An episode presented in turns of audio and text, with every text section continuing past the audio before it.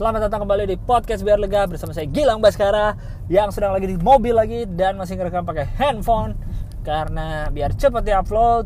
Gila gue bersemangat sekali ya gak sih? Yalah karena ini udah telat, udah hari Kamis dan baru direkam malam-malam dan ini baru direkam loh, belum diuploadnya, belum di ah gitulah biasalah kehidupan konten kreasi. Suka lagi sibuk di mana jadi yang ini ada yang keteteran. Sans. Gimana 2022 nya sudah memasuki uh, pertengahan bulan Januari. Sudah tanggal 13 ya nggak sih?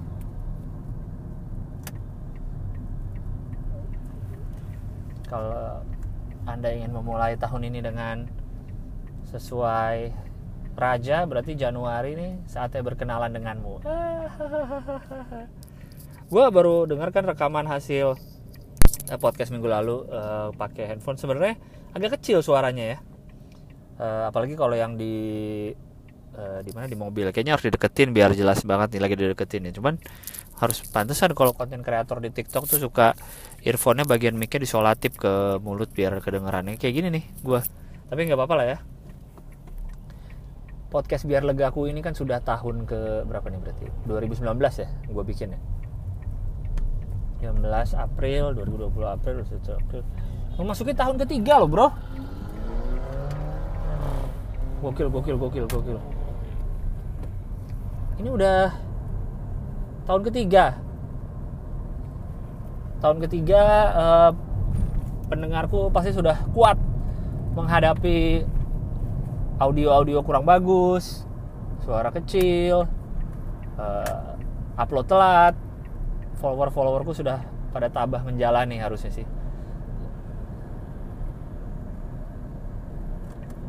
Podcast 3 tahun kok nggak ada peningkatan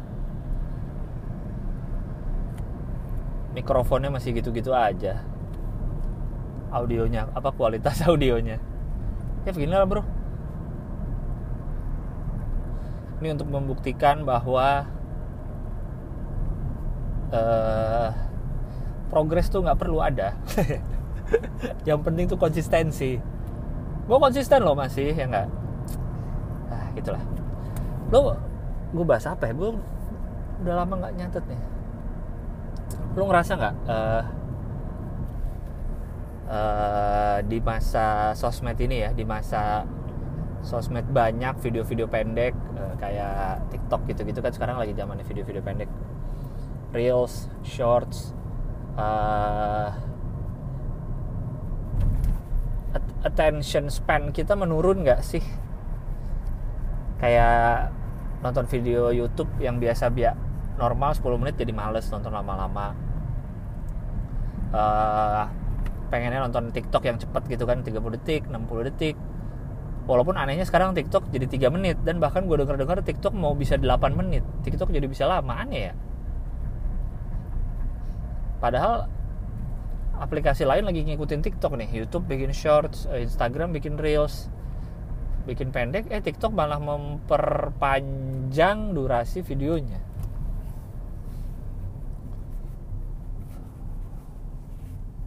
unik juga.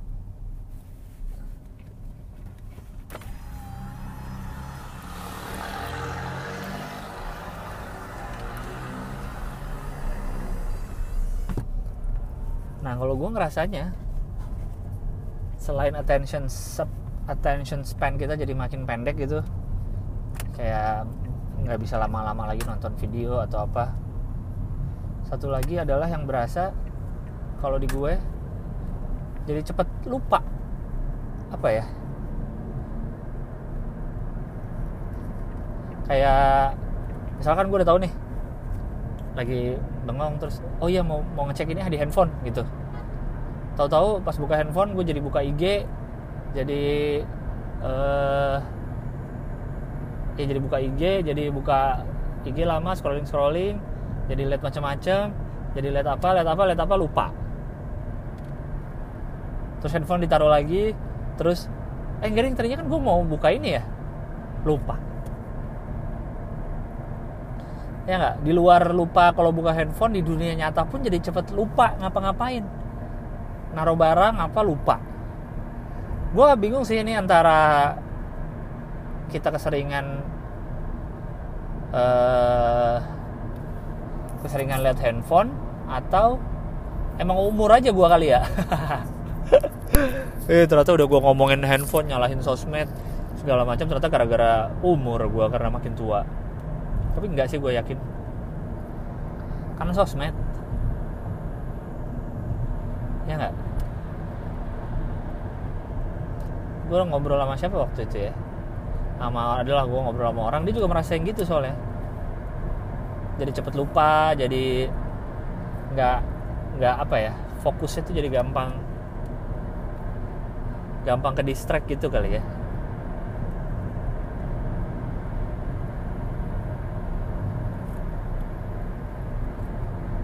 Gitu bro.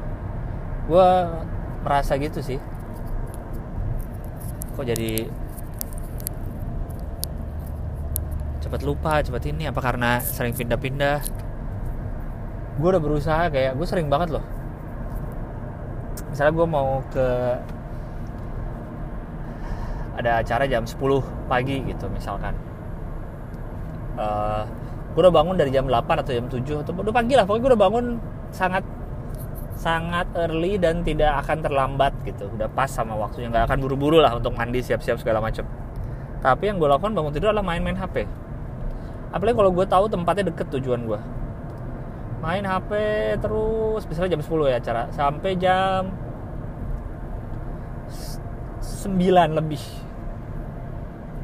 bahkan menuju setengah 10 kadang-kadang. Udah. Di situ jadi buru-buru akhirnya. Aneh gue sama diri sendiri. Terus terpikir nggak besok nggak boleh gini lagi. Itu paginya malamnya pun juga gitu mau tidur. Misalnya udah mau tidurnya aja udah malam setengah 12 gitu. Nah cek cek HP dulu ah ke sana kemari ke sana kemari ke sana kemari tidur jam 2 atau setengah 3 padahal harus bangun jam 9 gitu misalkan. Dengan dalih kayak kan jam satu nih. Tau gak sih lo lo ada keinginan untuk me mempaskan jam? Ada nggak di lo mau tidur 11.34 ah, tanggung lah 12 jam 12.00 gue tidur. Main scroll scroll scroll scroll scroll lihat konten TikTok terutama. Tahu-tahu udah jam 12 lebih 9 terus eh nanggung. 12.15 gue tidur. Tahu-tahu udah 12.24 gitu terus sampai tahu-tahu udah jam 2 lebih 49 anjing ya pagi udah uh, tertunda-tunda karena buka-buka handphone. Malam juga tertunda-tunda mau tidur. Janji besok nggak akan gini deh. Besok bangun diulang lagi.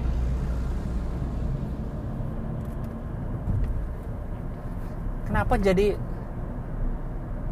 berkembang di the the the urge to see our phone gue nggak mau ngomong hour kali ya ter lu doang kali gue gak ngerasain. Di urge urge apa sih keinginan? The urge to see my phone see the notification reply the messages uh, see the timeline see what's happening today see who mentioned me? Who comment on my post? Who follow me? Who DM me? Why?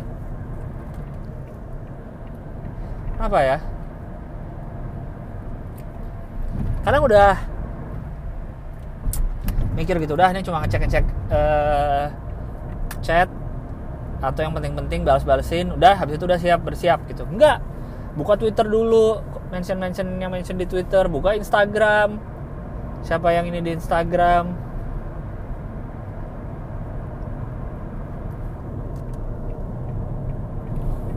Padahal kan mention gak urgent. Kecuali ada nelfon atau ada chat iyalah urgent harus dibalas atau apa.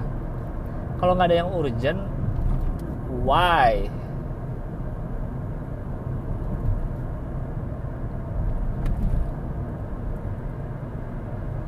kenapa harus segera dicek notifikasinya? Nggak tahu gue juga. Kenapa harus?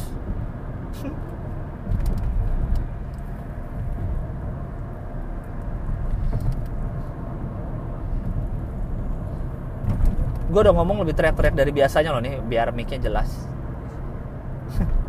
Gila gue pengen dihargain banget usahanya. Ya begitu ini perjalanan gue cukup panjang nih yaitu dari Bintaro ke Bekasi. Jadi gue punya waktu banyak untuk ngoceh sendiri. You're all I enough Getting number one. Anak TikTok banget ya gue ya kayak gitu bikin pertama yang gue rasa bikin pikun. Bikin cepet lupa bukan pikun sih dulu kata guru gue waktu apa ya SD apa ya pikun tuh pikiran kuntet. Ya.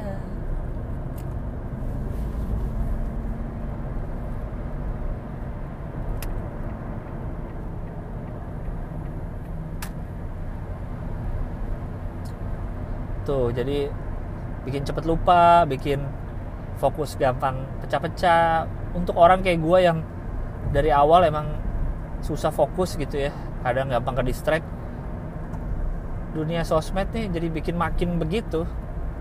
Kayaknya apalagi semenjak pandemi kali ya.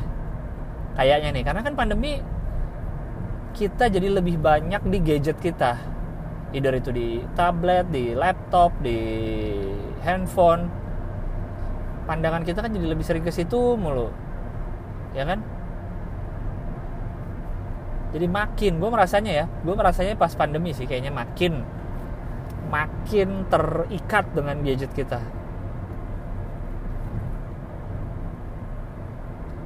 Jadi makin ya makin gitulah makin cepet lupa.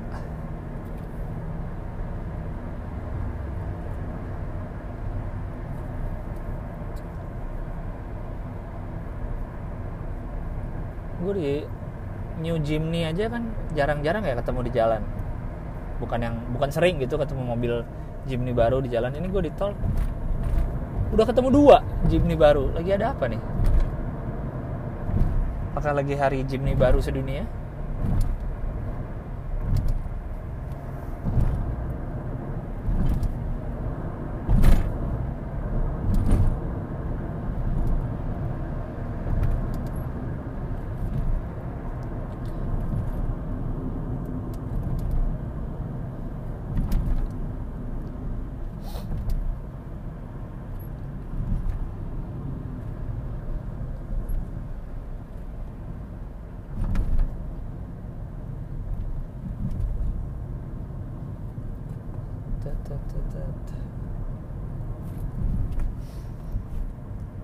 menurut lu covid kapan sih kelarnya? Di ya nggak usah di Indonesia lah di dunia inilah. Eh di Indonesia deh. Karena di dunia ini kayaknya udah ada yang kelar ya. Udah ada yang kelar belum sih negara yang benar-benar udah 100% covid free? Belum ada ya? Lagi Omicron belum lagi bla bla bla yang lain-lainnya.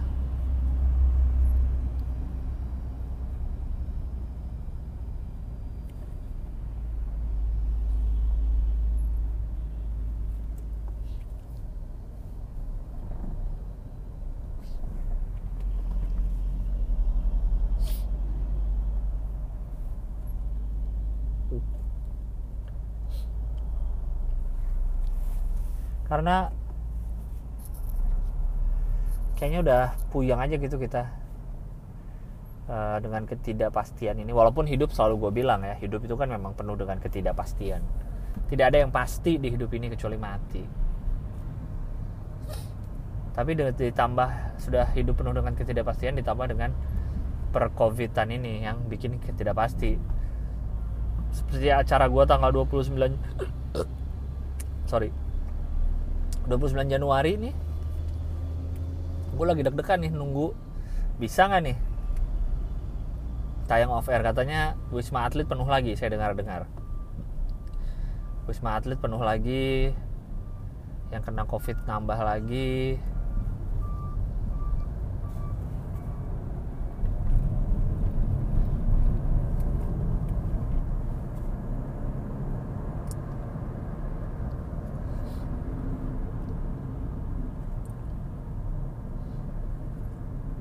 itu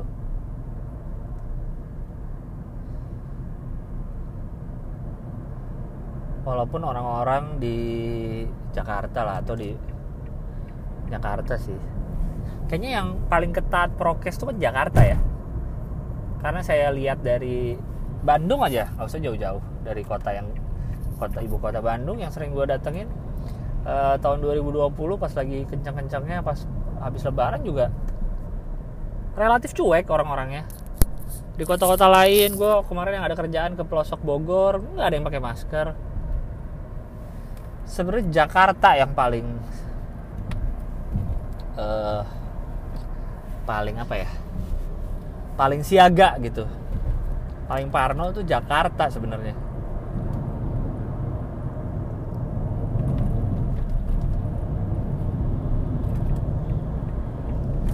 Jadi kalau Jakarta aja yang paling parno sekarang udah santai orang-orangnya apalagi kota lain yang dari sebelumnya juga udah santai. Kayaknya makin santai lagi. Karena kalau sekarang udah ya udah aja gitu. Orang-orang nih kalau di Jakarta gue lihat dengan percovidan ini ya udah. Jalanan sudah sangat normal menurut gue ya. Menurut gue sih yang gue rasakan komuter gue yang biasa lalu lalang di Jakarta Jakarta sudah sangat normal kondisinya. Sangat normal. Tidak sepi lagi sangat. Itu tidak sepi. Mall biasa benar-benar pakai masker itu saat bergerak saat berjalan. Kalau udah masuk restoran buka. Bukan saat makan saat lu udah duduk di restoran berarti udah saatnya buka masker mau pakai belum makanan belum. Kan ada yang bilang pakai buka masker saat makan doang. Enggak. Tapi saat udah duduk di restoran adalah saatnya sudah tidak ada covid. Sudah. Sudah aman. Walaupun gue masih melihat orang yang ke mall pakai masker double uh, medis dan masker kain tapi tetap aja gue nggak bisa bilang orang itu taat prokes karena ya dia ke mall. Berarti ya udah dengan dia ke mall dia sudah tidak taat prokes nggak sih? Iya. Tapi kan bosan di rumah? Iya bosan tapi ya nggak tahu lah. Kecuali untuk orang yang memang kerja di mall ya. Makanya ini kan belum kedengeran akan ada lock apa sih? Uh, lockdown lagi kan? Uh, apa namanya? Kok bukan lockdown apa ya? PSBB gitu-gitu kan belum ada lagi nih. Belum ada pengumuman. Paling cuma PPKM naik level ke level 2 tadinya level 1 kan. Tapi level 2 pun naik ya kelihatannya biasa aja. Nggak kayak dulu gitu. Padahal dulu baru ada kasus dikit aja langsung kan tutup. Uh, segala macam sebenarnya kalau pemerintah mau nutup kayaknya bisa. Cuma orang udah nggak ada yang gimana lagi ya? Udah nggak ada yang panik lagi lah gitu kasarnya. Uh, sekarang pun kalau ada yang kena covid udah lebih tenang orang-orang. Ya nggak? Karena udah pada tahu oh udah obatnya ini oh ini oh ini oh ini oh ini oh ini, oh ini, ini. kelar. Beda sama dulu 2020 atau pas gue kenal lah. Desember 2020 tuh masih bingung tuh. Gue pun masih panik-panik tuh kan gimana nih obatnya gimana? Dulu gimana nih panas ini, ini. sekarang kayaknya orang kalau dengar orang kena covid oh kena covid gitu kayak udah ya udah aja gitu.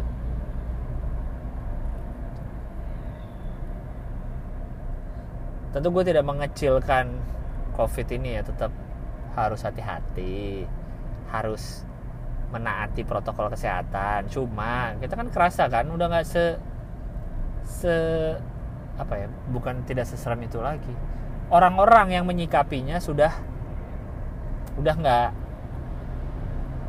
udah nggak setakut dulu lagi menyikapinya gitu orang-orang.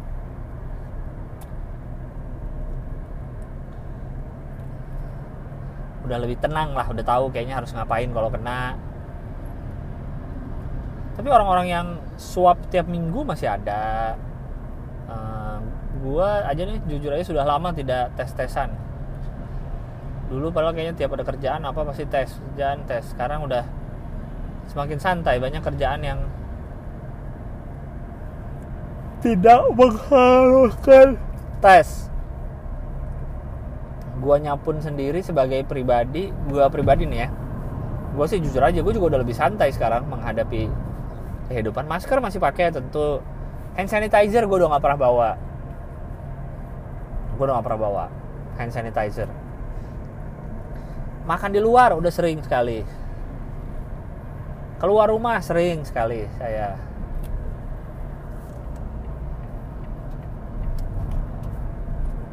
Itu gue pribadi sih udah juga ya udahlah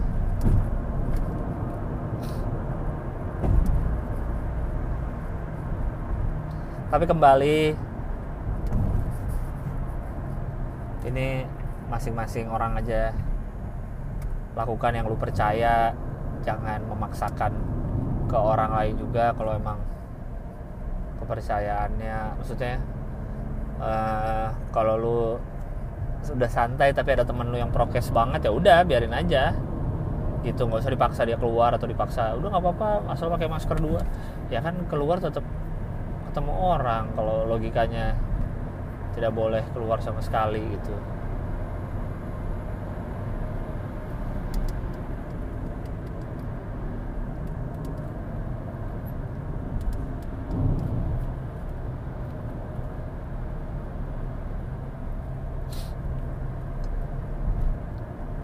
Gitu. Pan gitu tiba-tiba kalau ada orang yang prokes banget terus ngeliat temennya keluar-keluar ya udahlah gitu. Kalau lo tidak mau ter apa ganggu ya bilang aja gitu. misalnya jangan ketemu dulu atau apa lagi emang nggak mau masih prokes banget ya udah. Saling tidak apa ya ya gitu deh. Paham kan maksud gue jeng kenapa marah? Untuk sekedar iklan gue juga paling mungkin yang udah ngeliat gue nge-tweet atau story tadi uh, untuk yang punya TikTok dan belum follow Johan Sture di TikTok segeralah follow Johan Sture untuk melihat video-videonya yang kayak tai. Dan sangat amazing gue ketawa mulu anjing. Tuh tuh sekedar iklan. Uh. nah, ya begitulah. Ke covidan ini bikin udah tahun ketiga juga covid masuknya. Masuk tahun ketiga. Eh udah Maret 2020 eh kan Maret 2020 Maret 2021 Maret 2020 oh ntar lagi baru masuk tahun kedua udah mau anniversary 2 tahun ya covid di Indonesia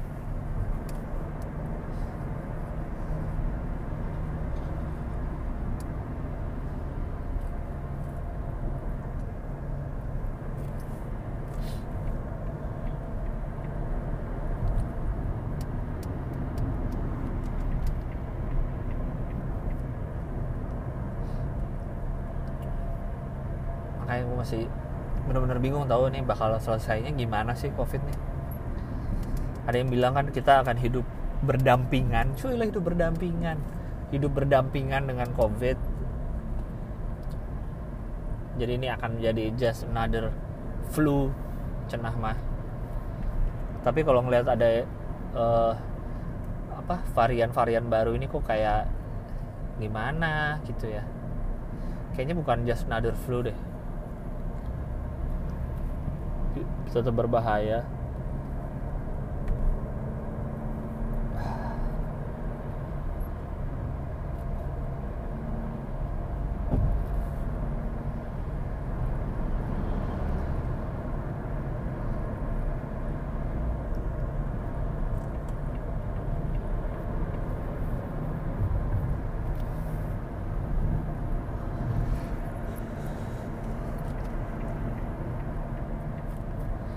tapi kalau tetap berbahaya terus gimana selesainya?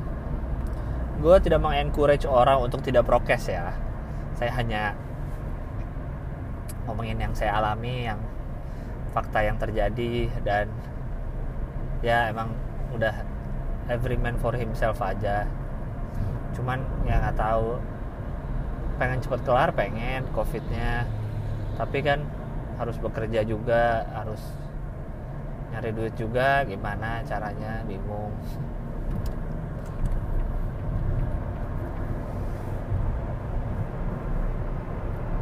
Bingung sih. Gue masih bener-bener nggak kebayang selesainya gimana gitu. Skenario selesainya nih covid. Apa tau-tau pasien udah nggak ada lagi yang kena covid terus yeay!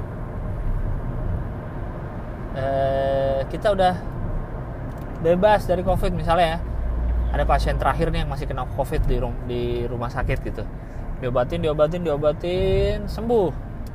Yeay selesai covid dari Indonesia. Apakah gitu endingnya? Karena gue ragu begitu. Karena nanti misalkan ada orang luar negeri datang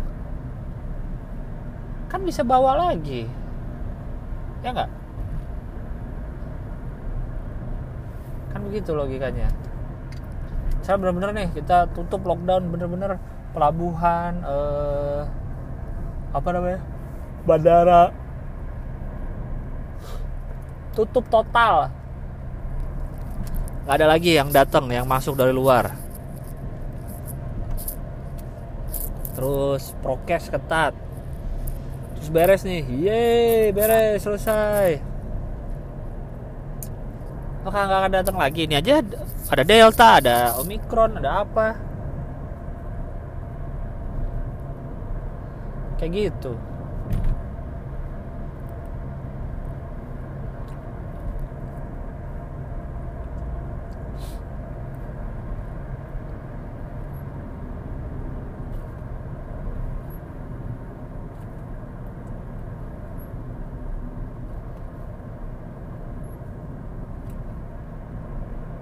tapi kalau nggak akan selesai misalkan bener kayak flu biasa aja ya tetap mematikan. Gimana selesainya? Bingung gua. Nggak sama sekali gue tidak ada bayangan di otak ini akan selesainya skenario skenario selesainya tuh gimana gitu. Sebenarnya paling mungkin kan gitu kan. Semua udah divaksin semua udah uh, kebal lah gitu. Terus jadi ya udah. Kalau kena juga ya udah cepat sembuh. Akan cepat sembuhnya gitu.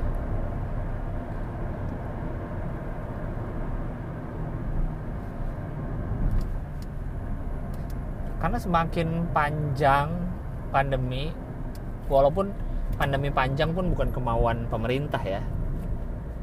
Tapi semakin panjang pandemi semakin apa ya kalau menurut gue nih ya semakin orang jadi curiga ini covid beneran gak sih gitu? Apa dipanjang-panjangin? Kenapa menurut gue begitu? Karena gini vaksin kita udah dua kali. Masker tetap pakai. Uh, uh, udah vaksin dua kali harus booster tambah lagi. Udah booster pun tetap harus pakai masker. Kayak gitu. Wajar jadinya. Kalau menurut gue jadi ada golongan-golongan pihak-pihak yang merasa ini bener nggak sih? Ini apa gue dimain-mainin doang nih? Suruh udah vaksin booster apa segala macam gitu loh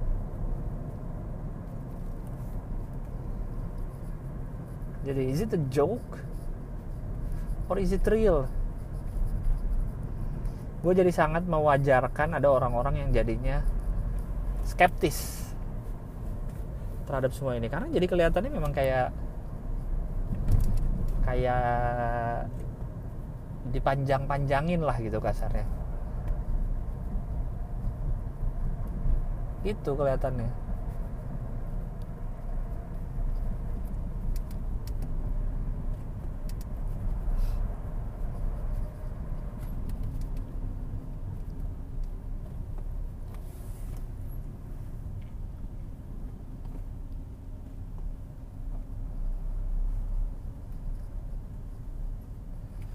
tadinya malah booster berbayar kan? Tapi ternyata jadi udah gratis. Sama kayak vaksin waktu awal-awal info-info mau ada vaksin kan sempat dibilangnya vaksin bayar.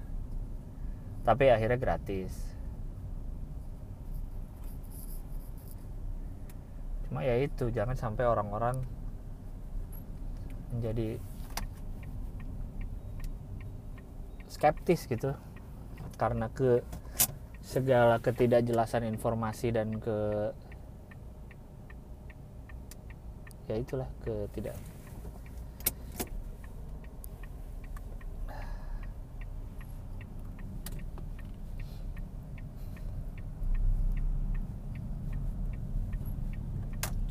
karena dari awal menurut gue itu sih ya orang kita bebel juga ya jelas orang-orang Indonesia.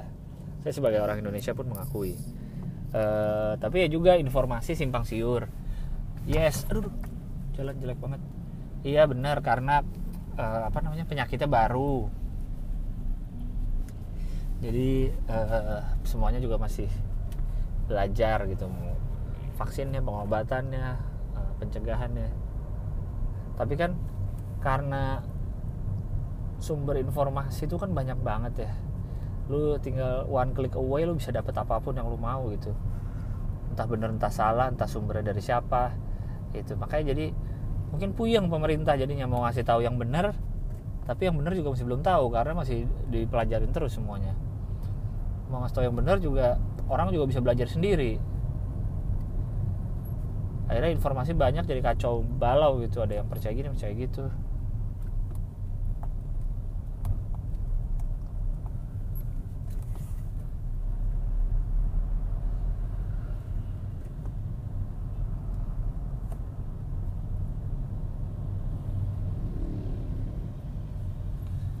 ya.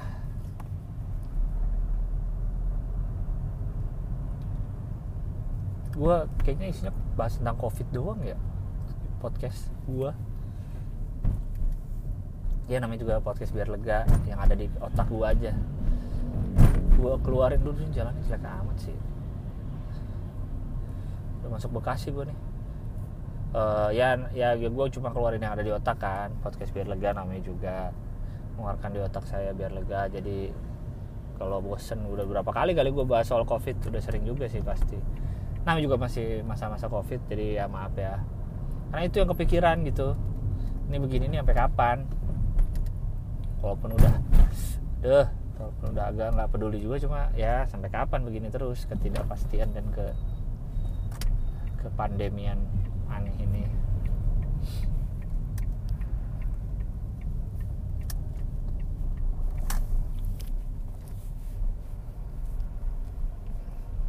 ya semoga semua beres lah ya. Sehat-sehat terus semuanya nggak ada yang kena-kena lagi. Dan cepet kelar lah begini-beginian nih. Biar nggak bingungin. Oke. Okay. uh, udah kali ya? Ntar baca email ya kalau ada waktu. Cia kalau ada waktu. Kalau uh, udah santai gue bisa ngerekam lagi kayaknya gue kalau rekam sambil nyetir tuh kan fokusnya kan di nyetir yang utama kan. Gue cuma ngomong-ngomong aja gitu tanpa perlu ngeliat apa pun ya. Tanpa perlu melepas fokus dari nyetir. Cuma karena emang fokus utama nyetir jadi banyak diemnya gue ya. Kayak eh, lagi fokus lihat jalan lagi fokus apa jadi bengong. Diem lupa nih oh lagi ngerekam podcast ya. Ya gitulah. Oke. Sampai jumpa di part berikutnya membaca email saya mau matiin dulu bye Tahu nggak hari ini hari apa? Hari Sabtu malam. Baru dibikin, gila gue. Kenapa ya? So susah banget. Gue pengaturan waktu gue emang kacau sih. Oke, kita akan saya akan membaca email dari orang-orang kalian-kalian yang sudah mendengar dan ngirim email ke uh, apa nama email gue? uh, podcast biar lega at gmail.com oke okay? podcast biar lega at gmail.com bentar wait wait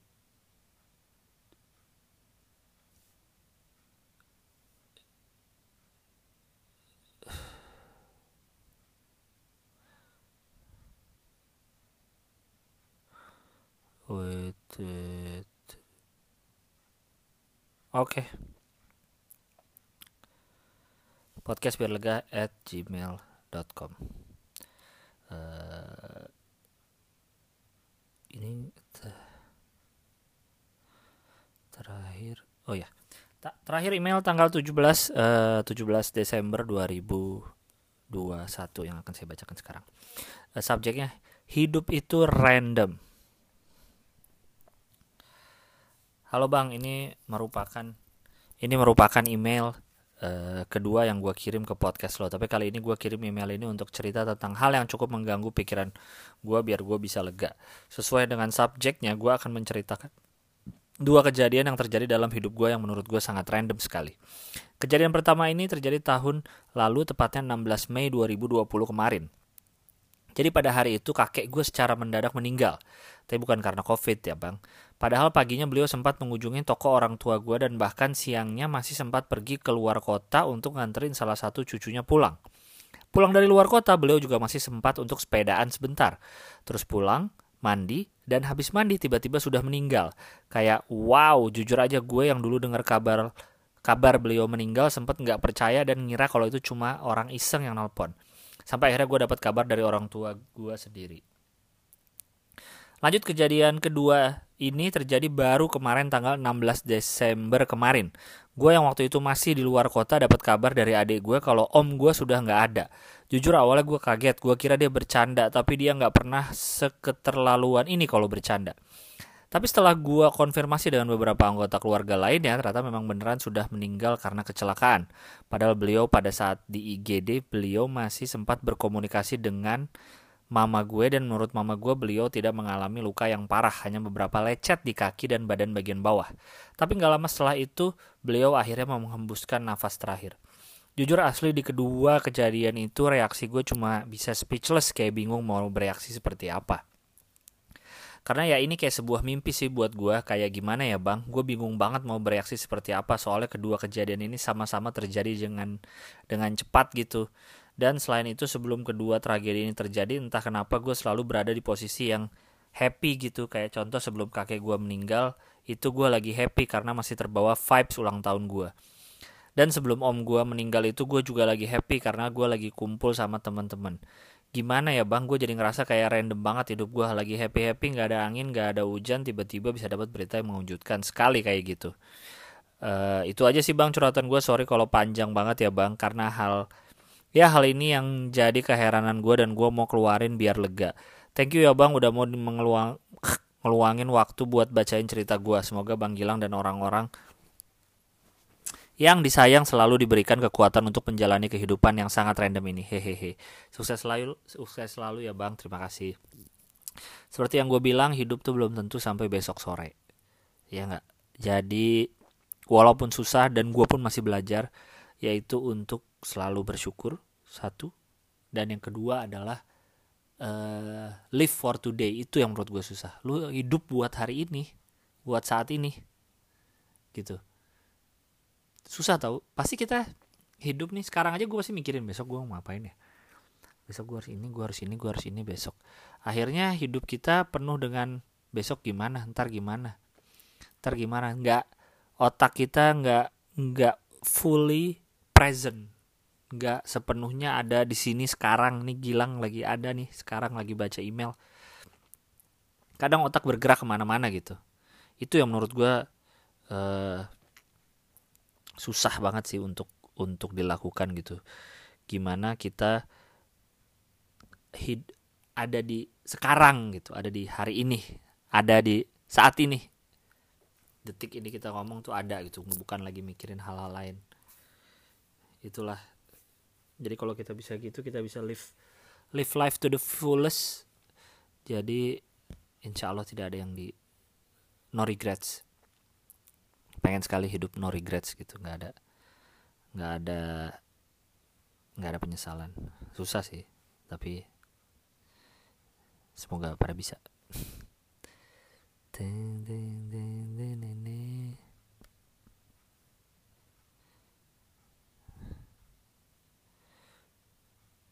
Tunggu, tunggu, tunggu. Oke lanjut email berikutnya. Kan sebentar. Lah. Kok nggak ada? Oh salah. Email berikutnya tanggal 18 Desember uh, judul subjeknya 2, 23 tahun. Halo Bang Gilbas, perkenalkan saya tidak usah disebut. Cuma pengen curhat mengenai umur keramat ini. BTW saya lulusan 2020 akhir dan sampai sekarang masih mencari kerja. Udah daftar sini sini, follow sosmed pencaker, disnaker. Pencaker tuh pencari kerja ya. Gue baru denger loh, pencaker disingkat. Biasanya kan loker gitu loh kan kerja. Disnaker segala macam sampai kepala puyeng tapi belum juga ada yang nyangkut. Sampai udah hopeless karena di satu sisi teman-teman yang lain udah kerja, walau honor di kelurahan. Hihi. Tapi kan minder karena udah ada kesibukan. Lah saya cuma gini-gini aja. Akhirnya dapat panggilan interview kerja jadi field collection. Ekspektasi seneng akhirnya dapat kerja bisa punya penghasilan sendiri. Tapi bodohnya saya nggak tahu kalau field collection itu kolektor yang kerjanya di lapangan dari pagi sampai malam muter-muter ke rumah debitur suruh bayar tagihan nunggak. Intinya debt collector kali ya. Setelah sebulan kerja, fisik saya nggak kuat dan mental drop gara-gara mau dibacok sama debitur. Kok gue ketawa tadi barusan, sorry. Gara-gara mau dibacok sama debitur, ya Allah. Nah gitu harus saya responnya. Karena saya suruh bayar tunggakan dan akhirnya saya ngajuin resign. Uh, cuma sebulan kerja padahal nyari kerja hampir 8 bulan. Bukan gak bersyukur sih, cuma kalau kerjanya begitu Hercules juga ngeluh. Kenapa Hercules sih anjing? Ya kegiatan sekarang cuma kembali lihat sosmed pas pencaker di snaker DLL untuk masukin email kerja lagi. Oh ya bang, kebetulan saya ikut di rumah kakak saya dalam kurung numpang. Jadi tiap pagi saya antar anaknya sekolah, hitung-hitung balas jasa karena udah numpang walau nggak ngaruh juga sih. Hahaha. Udah bang segitu aja kalau kepanjangan dan kurang rapi. Maaf kalau kepanjangan dan kurang rapi ceritanya. Sehat selalu bang, sehat selalu juga.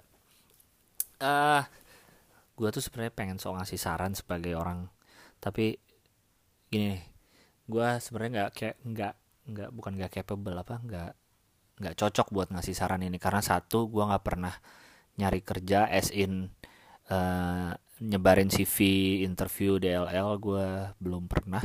Dan gue juga nggak lulus kuliahnya. Uh, jadi nggak beda lah gitu. Tapi uh, uh, kalau gue boleh kalau gue boleh memberi saran daripada lu bingung kan uh, ngelakuin apa uh, cari kesibukan dulu bikin aja segala macem. Gue nggak tahu uh, itu lo ke mana minatnya tapi bikin aja apa pun gitu. Nih dunia digital. Uh, gue mau kayak boomers boomers di pemerintahan. Ah lu sebagai Gen Z dan milenial harus siap menyambut dunia digital industri 4.0 metaverse karena NFT maksudnya gini uh, bikin aja kayak kalau gue bisa nyontohin stand up lah gue gue dulu open mic open mic open mic ke komunitas nyoba-nyoba tidak ada ekspektasi apa pun. Hanya open mic aja punya materi baru mau nyobain gitu udah titik. Gue bikin podcast gini pun nggak ada ekspektasi apa-apa dan lu lihat sendiri podcastnya gini gini aja. Tapi membuka peluang gue gue dapat pernah nge-host podcast Bayu waktu itu. Gue dapat kerjaan karena ada orangnya denger podcast gue kayak gitu. Jadi ngebuka pintu gue bikin dulu lah kasarnya. Uh, uh, gue nyoba-nyoba bikin YouTube. Ya walaupun gak rajin tapi YouTube mainan gue pernah ada yang masuk. Uh, gue rajin-rajin nge-tweet nge-tweet soal Avoskin gitu. Eh jadi kerja sama sama brandnya beneran. Uh, maksud gue intinya adalah uh, eh, gue tahu susah nyari kerja susah mau S1 S2 susah apalagi S1 gitu apalagi yang lu bisa kalah sama yang SMK mungkin. Susah lah segala macam tapi coba aja bikin. Paling nggak di masa digital gini segala macam udah bisa lu pamerin kasarnya. Uh, dalam tanda petik lu bisa mamer diri lu di sosial media gitu di sosial media lu. Pamer gambar lu pamer hasil video lu pamer apa pun yang lu kebisaan lu di sosmed lakukan uh, gunakan sosmed sosmed sosmed yang lu punya untuk memamerkan karya mamerin apa yang lu suka mamerin apa yang lu suka bikin. Caper ke idola lu. Misalkan kayak sekarang lagi banyak nih yang bikin fan art gambar-gambar ho hihi. Dia mention gue dia mention bang Abdel dia mention hohi. Akhirnya gue lihat bisa gue uh, love bisa gue repost bisa gue apa-apain gitu. Siapa tahu itu jadi jalan lu. Siapa tahu gue repost gambar lu terus tahu-tahu di follower gue atau yang siapa pun yang lihat story gue dia mungkin lagi nyari ilustrator atau apa akhirnya jadi buka pintu rezeki kayak gitu sih. Di masa ini coba aja. Segala macam cara. I know it's hard. Zaman lagi apalagi lagi covid covid belum kelar kelar beresnya belum nggak jelas. Uh, susah segala macam tapi coba aja yuk yuk yuk yuk yuk yuk. Let's go bareng bareng gue juga nggak nggak uh, usah mikirin passion. Gue aja nggak tahu sampai sekarang passion gue apa sebenarnya. I'm just aku cuma lakuin aja udah. Gue suka apa cobain cobain cobain kayak gitu. Oke okay? semangat terus semua para pencari kerja. Kemarin ada yang nge-tweet foto orang lagi cari kerja terus nyari kerja di negeri sendiri susah banget. Ya apalagi di negeri orang lain gue nggak tahu itu apakah intensi untuk rezim atau untuk nyalahin pemerintah atau apa tapi memang susah dari dulu nggak pernah gampang kok kayak gitu. Lo lihat orang yang sekarang udah sukses kan lihat sekarang lo nggak pernah lihat gimana gimana susahnya gitu. Oke intinya semangat terus. E, jangan diem sih kalau saya boleh saran bergeraklah terus gitu. Bikin apa kayak bikin apa gitu gitu. Alright. Uh, uh, uh, uh, eh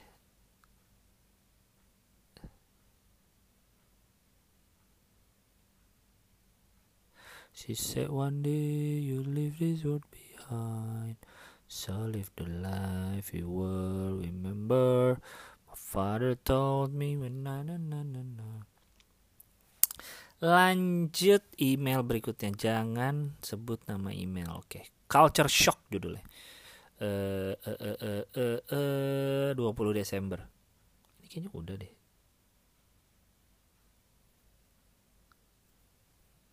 Eh, belum deh. Jangan sebut big thanks kalau udah halo bang, saya sudah baca email tadi aku udah beli digital download. Iya ini kayaknya udah deh. Bit toilet. Iya yang dia toilet yang pipis bareng ibu-ibu. Eh dia boker bareng ibu-ibu. Itu yang di Borobudur aneh banget ceritanya. Tapi ini udah di email eh di email di episode minggu lalu ya gak sih? Oke. Okay. Eh uh, uh, uh, uh, 23 Desember agar greget. Eh, gue malah nyebut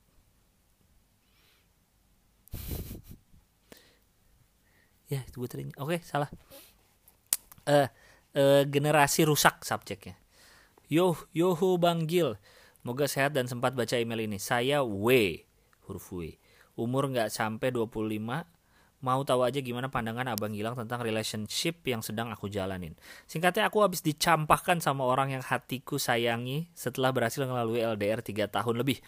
Kira-kira enam tahun aku ngejalaninnya sama doi. Aku sih nggak masalah sebenarnya. Jeleknya doi nggak ngomong apa-apa langsung menjauh gitu. Mana ada akrab sama keluarga lagi. btw kata temanku pacarnya yang sekarang perlu disumbangin skincare dekil gitu katanya. pacarnya pacarnya pacarmu yang sekarang. Eh pacarnya mantanmu. Kamu nih cowok cewek sih? Eh mana nih? Dekil kayaknya cowok sih. Eh dugaanku kamu cewek Jadi yang dekil tuh mantanmu cowok. Oke, lalu di sinilah aku posisi males berelasi dan semacam kapok untuk setia dan berkomitmen. Nah, dalam proses menjomblo ini aku iseng main Tinder. Eh ketemu kawan lama sekerjaan dulu. Mulai deket sering main bareng juga karena kali pertama aku ajak main dianya mau eh jadi sering deh. Aku sih niatnya cuma asik-asikan aja, eh malah sampai jauh. Cukup jauh deh. Nah, seru nih. Nah ada momen dia ditembak orang. Aku dukung dong ketimbang sama aku yang gak karuan. Serius juga kagak. Diterima deh tuh cowok jadian. Mereka Oh kamu cowok. Salah-salah Diterima deh tuh cowok Jadian mereka tapi dalam tanda petik kegiatanku sama dia masih jalan. Eh, gokil. Nah di sini mulai tuh rada gimana gitu kalau ketemu pacarnya aku sih mau mundur gitu biar mereka tenang. Eh si dia malah ogah. Lebih seru sama aku katanya. Anjing. Well aku jadi kayak di film Jepang. NTR gitu. NTR apa ya? Night. Coba lanjut dulu. Coba tahu gue nemu NTR menurut abang aku kudu gimana nih? Dijalanin sih asik tapi kadang nggak tega sama pacarnya. Tapi gue enjoy aja karena ada pelampiasan. Dia juga milih sama aku. Btw ini jadi kali pertama dalam tanda petik nakal. Dulu kala oh ini pertama kali nakal. Dulu kala pas sekolah aku nolep parah. Nolep tuh no life ya. Oke makasih telah dibacain bang. Dan yang dengerin plus jomblo jangan asal tembak cewek cakep. PDKT dulu yang lama. Sialnya kena NTR lu. Apa sih NTR? Kayak FWB kali maksudnya NTR ya? Semua sehat selalu semua. Teruslah berbangga diri. Kalian hebat udah hidup di hari ini. Anjir. Bener Seperti yang tadi saya baru bahas. Sudah hidup di hari ini. Anda luar biasa Semoga yang bersangkutan kagak denger ini, amin. Menurut gue gimana ya? Aduh susah sih kalau gue sih kan nggak peduli ya lu mau pacaran mau FWB ke mau apa. Tapi kalau ini kan ada pacarnya gitu. Yang anda yang anda barengin ini nih eh, ada pacarnya gitu. Gimana ya? Asa gimana gitu? Ya kalau gue sih percaya karma ya what goes around comes around lah. Karma jahat karma baik itu ada adanya. Nyata adanya bagi gua. Jadi gua takut kalau main-main begitu. Tapi kalau sepertinya anda menikmati dan dia juga mau tapi ya begitulah. Bingung saya. Oke. Intinya itu. Lanjut email berikutnya tanggal 28 Desember Uh, Hai Kak Gilang, semoga sehat dan happy ya. Aku mau lanjutin cerita. Kalau Kak Gilang lupa, aku adalah salah satu orang yang terdampak PHK karena pandemi dari maskapai BUMN. Dalam setahun ini Uti dan Kakung meninggal dan juga aku udah satu tahun belum dapat kerjaan baru. Kayaknya aku ingat. Tanggal 13 November 2021 kayaknya aku benar-benar baru bisa berpikir dengan otak jernih tentang gimana aku mau nyusun hidup ke depannya. Memang setelah pandemi ini aku jadi orang yang gak mau punya mimpi muluk-muluk karena takut kecewa. Tapi setelah dipikir-pikir lagi ternyata gak ada salahnya loh buat punya mimpi. Yang penting kita ready for the worst condition aja. Akhirnya aku mutusin buat setahun ini aku akan manifest diri sendiri. I will take a step back to bounce higher. Dan kalau emang mimpi aku gak terwujud juga ya gak apa-apa. It's not only about achieving things anyway. Hehe. Pertanggal 6 Desember 2001, alhamdulillah aku kerja di tempat baru sebagai admisi di suatu sekolah. Sekarang juga aku ngisi waktu buat les bahasa asing supaya otak aku nggak beku karena kelamaan nggak mikir dan juga biar nambah-nambah pengetahuan baru. PR aku banyak sih buat ngejar mimpi ini, material dan imaterial. Semoga semua orang yang ada di posisi kayak aku nggak cepet putus semangat dan bisa punya pikiran yang clear biar bisa jalanin hidup lebih baik lagi. Dan semua yang masih terpuruk sama kondisinya, nggak apa-apa bersedihlah tapi jangan sampai berlarut-larut ya. E, karena kita harus kuat ngelewatin neraka-neraka di dunia sebelum kita hadapin neraka yang sesungguhnya. Jiah.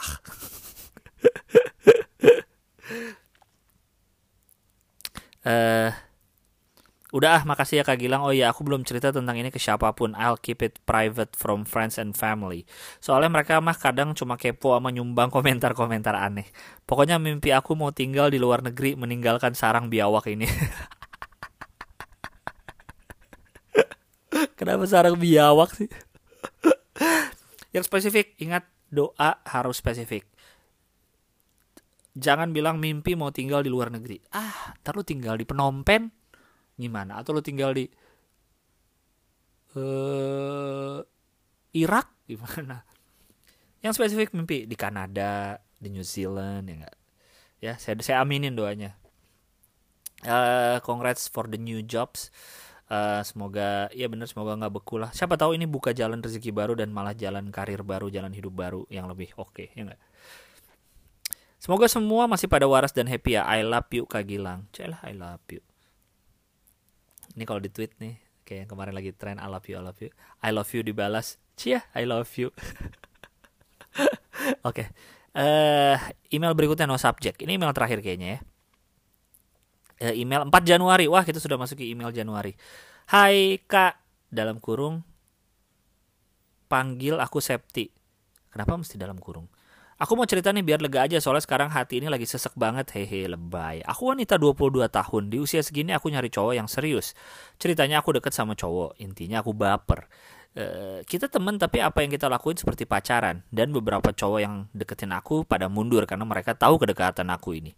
Saking deketnya kita, aku digosip mau nik mau serius nikah. Padahal setiap aku ditanya, aku selalu bilang gak ada rencana apa-apa karena deketnya kita hanya sekedar teman. Tapi mereka gak percaya. Lalu semakin ke sini entah kenapa dia menghindar. Bahkan chat aku sampai nggak dirit. Aku nggak bisa apa-apa hanya membiarkan semua perilaku dia. Bulan berganti bulan sampai pada akhirnya aku dengar dia punya pacar. Hati aku serasa pecah sakit, sesak dan intinya aku dideketin dan ditinggal begitu saja. Ghosting untuk istilah sekarang. Aku nggak bisa terima semua perilaku dia kak. Aku bahkan sampai nggak sadar nangis. Padahal aku selalu berusaha buat nggak peduli sama dia. Aneh dia bersikap seolah nggak terjadi apa-apa di antara kita padahal semua teman dia dan teman aku tahu tahu tahu tentang kedekatan kita. Sekarang ini mungkin aku suka tapi sekaligus benci, sesak ketika melihat dia walau hanya hari jauh. Selalu tanpa sadar ingin nangis dan aku hanya berpura-pura biasa-biasa saja karena malu. Makasih sudah mau baca ini, minta saran dong kak gimana sikap biar hal ini gak terulang dan gimana caranya agar aku bisa buka hati ke orang lain. Agak trauma soalnya aku juga bukan tipe orang yang gampang suka. Sekali lagi makasih semoga kakak dilimpahkan kesehatan selalu amin. Eh, uh, aduh susah sih. Emang menurut gue cinta itu tuh suatu perasaan yang aneh banget gak sih di otak. Kayak emang otak tuh kayaknya ciptaan Tuhan yang paling luar biasa gitu. Kompleks banget dari hardware nih ibaratnya otak tuh kan hardware kan badan kita nih hardware. Tapi softwarenya tuh kayak perasaan sedih seneng marah anger rasa halusinasi rasa uh, deja vu rasa bisa mikir jauh ke depan ide. Ide itu kan abstrak banget ide. Ide terus imajinasi fantasi itu kan software kita yang aneh banget. Begitupun cinta menurut gue aneh banget tau. Misalnya lo sama pacar lo nih lo bisa satu hari lo pengen uh, deket terus pengen pengen deketan pengen pegangan tangan. Tapi bisa dalam satu salah ngomong dikit tak lu kayak jijik sama nih orang nggak mau sen bahkan bersentuhan lu jangan sentuh gue dah kalau lagi marah-marahnya atau lagi sebel banget sama pasangan lu ya nggak? Bisa kayak gitu kan jangan sentuh gue besoknya mungkin berapa harinya pas udah baik kan bisa pengen deketan lagi pengen ngobrol terus pengen ngabisin waktu bersama terus. Aneh banget kan? Cinta itu. Bisa dalam dengan mudahnya membolak-balik hati manusia celah ya gitulah tapi. Ya menurut gua ke depannya mungkin lo lebih hati-hati lagi. Eh bukan lebih hati-hati gimana ya? Eh, kalau lu takut sakit hati lagi eh, segera dipastikan hey ini pacaran apa bukan? Hey ini mau ke mana arahnya? Mau jadian nggak? Gitu segera pastikan. Atau yang kedua kalau emang lu seneng dengan kondisi tanpa status gitu ya udah jalanin tapi lower lower lower your expectation. Jangan jangan banyak ngarep. Intinya semua sakit hati dan lain-lain intinya adalah semua permasalahan dunia itu ada di ekspektasi manusia. Ya ekspektasi kita apa? Yang muncul apa beda jadi sakit hati. Jadi intinya lower lower your expectation. Ya. Atau bukan lower sih sorry. Lebih tepatnya manage. Di manage ekspektasinya biar kalau gagal nggak gimana gimana banget. Kalau berhasil juga nggak gimana gimana banget. Susah sih memang. Tapi ya emang kayaknya itu sih jalan terbaik. Ya nggak? Udah thank you very much sudah mengemail ke saya ke podcast biar lega at gmail.com uh, eh, terima kasih banyak sudah selalu mendengarkan walaupun selalu telat. Uh, btw gue baru ngeh gue tuh kan jarang buka Spotify maksudnya jarang ngeliat apa sih lihat-lihat stats ini gue lah uh, podcast gue tuh gimana performanya bla bla juga sangat amat jarang. Terus gue baru bisa kemarin buka-buka podcast kan. Podcast lain sih sebenarnya. Ternyata sekarang ada ratingnya ada bintangnya ya. Podcast dinilai sekarang.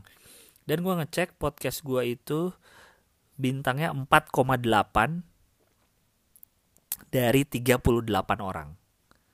Jadi ada 38 orang yang ngevote uh, podcast gue bintangnya 4,8 uh, thank you yang sudah ngevote. Uh, 4,8 masih oke okay lah.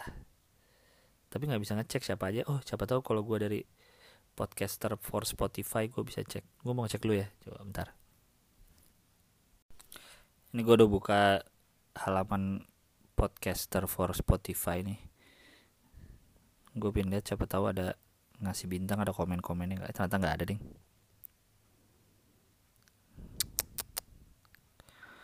Audience.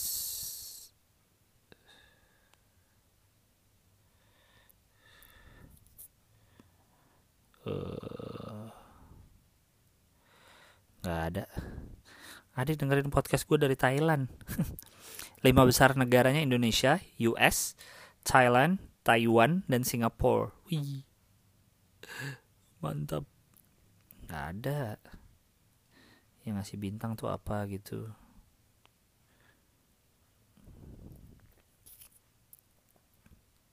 Iya kagak ada ternyata. Ya terima kasih banyak yang udah ngasih bintang lah intinya. yang sudah eh, yang sudah eh, dengerin, yang udah ngasih bintang, yang udah segala macam lah pokoknya. Thank you very much.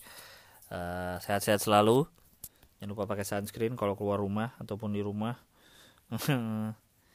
Semoga cepat beres, sehat-sehat. Semoga lancar semua urusan. Oke, sampai jumpa di episode berikutnya. Bye bye.